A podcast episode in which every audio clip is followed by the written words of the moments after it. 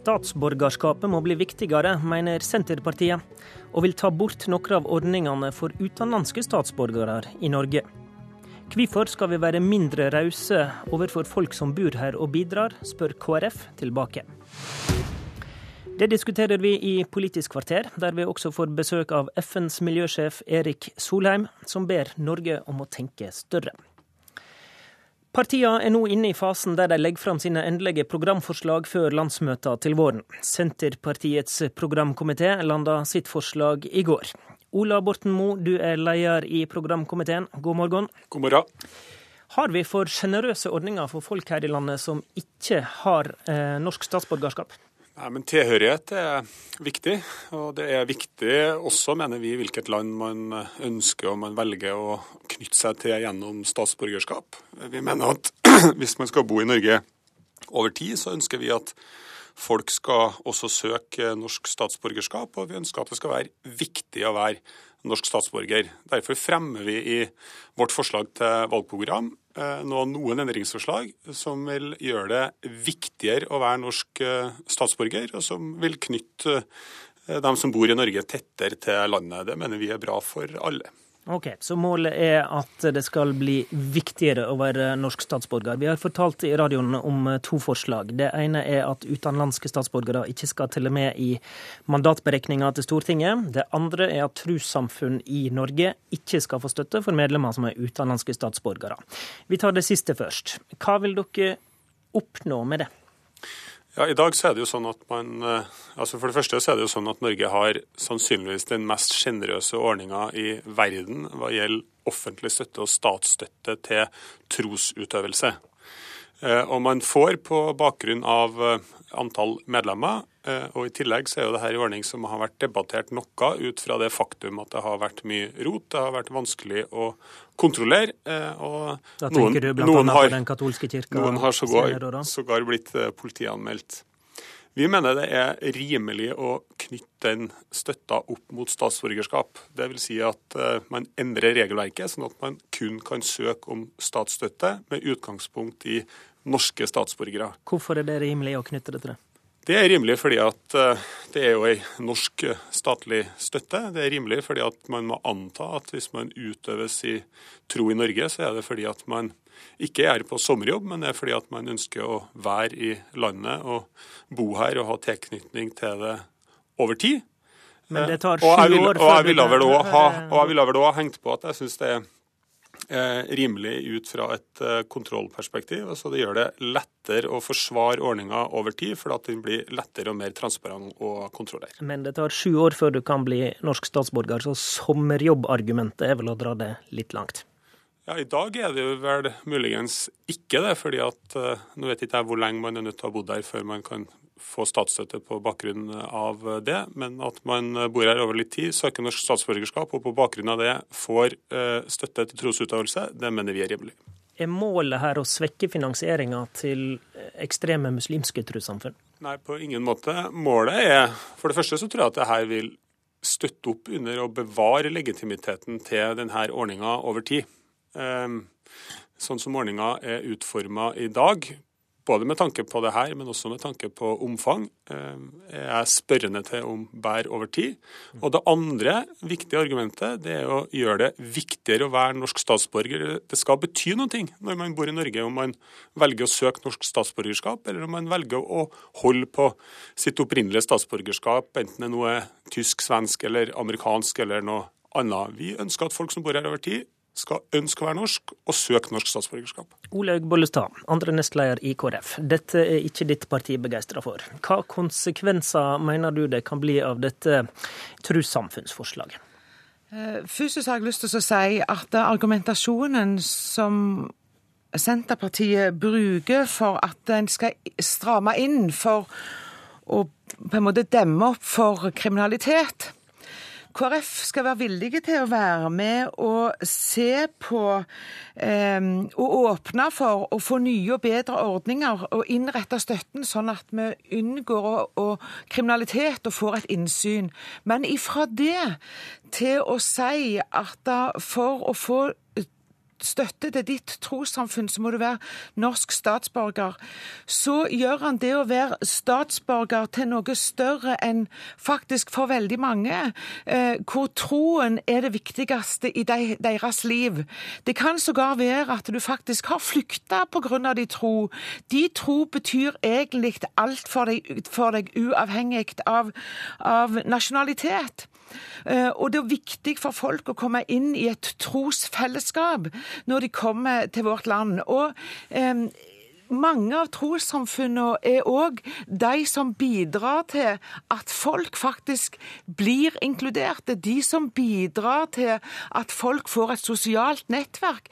Det er sågar veldig mange av menighetene som tar et tak for den norske stat når mm. vi får utfordringer med nye landsmenn. Sånn at hvis vi skal straffe eh, kirkesamfunn og trossamfunn, uavhengig om de er kristne eller hva det måtte være, for fordi de tar eh, et samfunnsoppdrag, så tror jeg at vi som samfunn taper. Og vi gjør troa til noe annet i det norske samfunn. Vi gjør det som en del av et statsborgerskap. Og det da... ønsker ikke KrF å bidra til. Borten Moe, det blir ei straff, faktisk.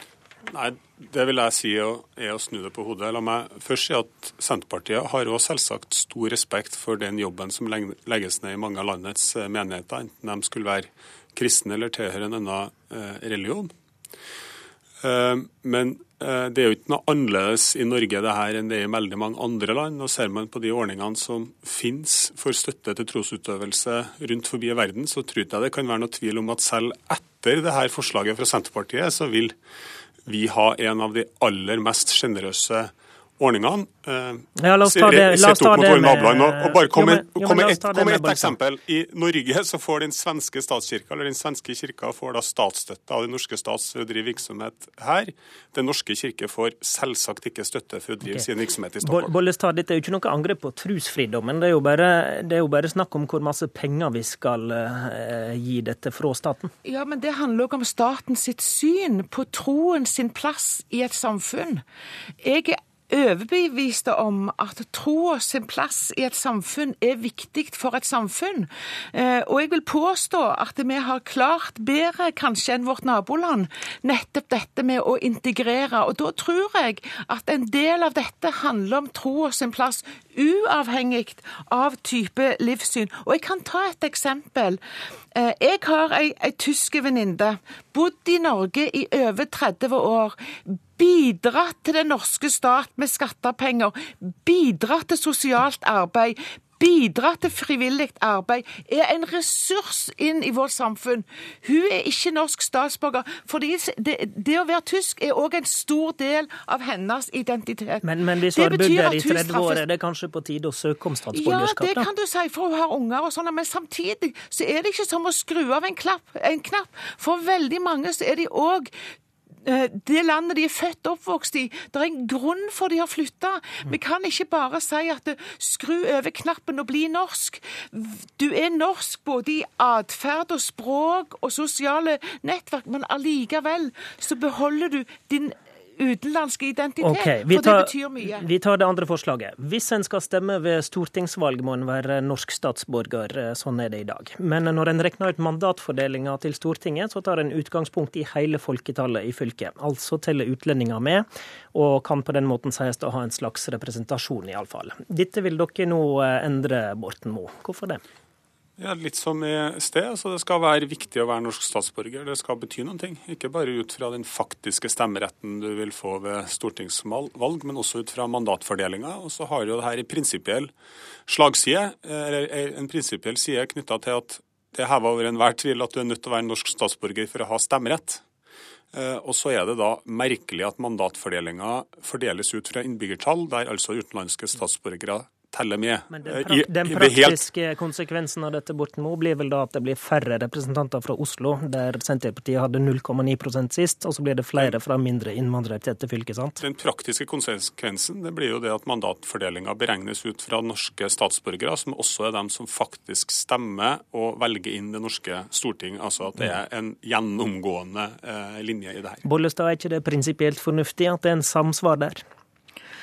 Uh, Jeg er representant på Stortinget for de som har stemmerett, og for de som ikke har stemmerett. For de som har norsk statsborgerskap, og for de som ikke har norsk statsborgerskap.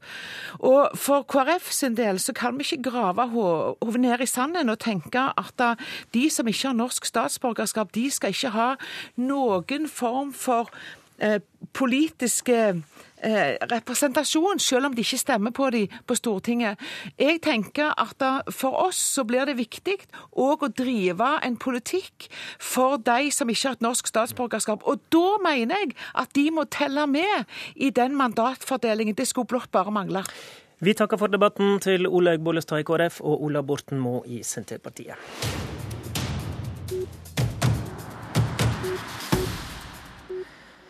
Jeg veit jeg ikke bør gi råd til norsk politikk, sa Erik Solheim på NHO-konferansen. Og så kom han med noen råd likevel. Og det viktigste var at vi må tenke større. Erik Solheim, du er nå leder for FNs miljøprogram. Velkommen til Politisk kvarter igjen. Takk skal du ha. I dette lå det vel også en kritikk mot at det blir tenkt litt for smått her på berget? Jeg tok som eksempel den store krangelen som jeg så utenfra rett før, før jul om statsbudsjettet Eh, hvor det var en måned med krangel, men om ganske små spørsmål i den store sammenhengen som jeg ikke virkelig tror påvirker verden. Og La meg komme med et par forslag til hva man isteden kunne gjøre med de samme pengene. Heller enn drivstoffavgifter? Ja, f.eks.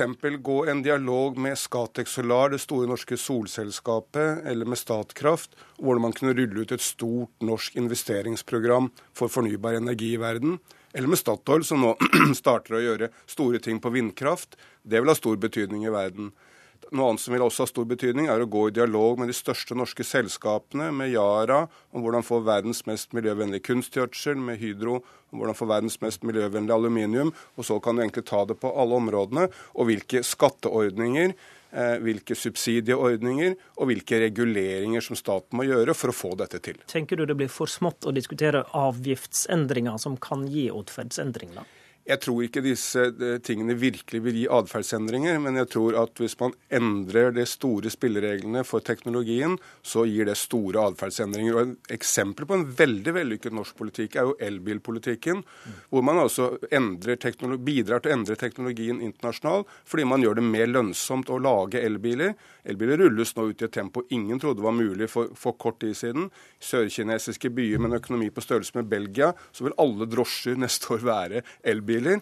Og man har gitt et introduksjonstilbud som har gjort det lønnsomt, og brukt den, det eksempelet på andre områder hvor man kan gi andre introduksjonstilbud for fornybar ø, teknologi. Og du hørtes jo nesten ut som en vekkelsespredikant i går når du sto der og snakka om håp, men altså hele grønnskiftetankegangen går jo ut på begge deler av det. Straffe miljøfiendtlig atferd og oppmuntre den som gir positiv endring. Du snakka mest om det siste.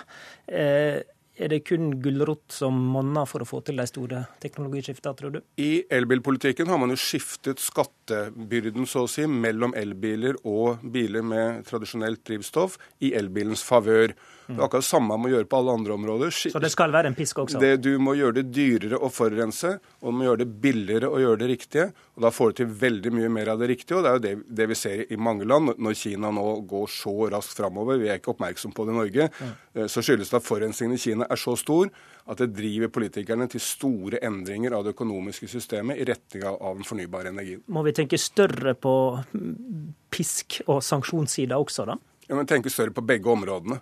Eh, og vi må, vi må innse at vi må, vi må, snu veldig mye raskere i Norge enn vi, de fleste av oss tror. Det er tungt å snu. Men hvis vi ser på andre selskaper og bransjer man ikke har snudd, så er det endt med katastrofe. Ta en tur på byen i Oslo, Bergen eller Trondheim og se hvor mange videosjapper du finner, eller hvor mange reisebyråer du finner, eller hvor mange platebutikker du finner. Disse teknologiene er, har forsvunnet i et tempo som ingen trodde var mulig. Finske mobilselskapet Nokia var verdens største mobilselskap i 2011, det er fem år siden. I 2013 var det det tiende største, fordi de ikke forsto at det måtte snu. Hvis ikke vi i Norge forstår at vi ganske raskt må snu fra å være så oljeavhengig til å være en virkelig stor motor i den fornybare energien, så kommer vi alle til å tape, både arbeidsplasser og miljø. Takk for at du kom hit til Politisk kvarter, Erik Solheim. Husk at du kan eh, laste ned dette programmet også som podkast. I studio i dag var Håvard Grønli.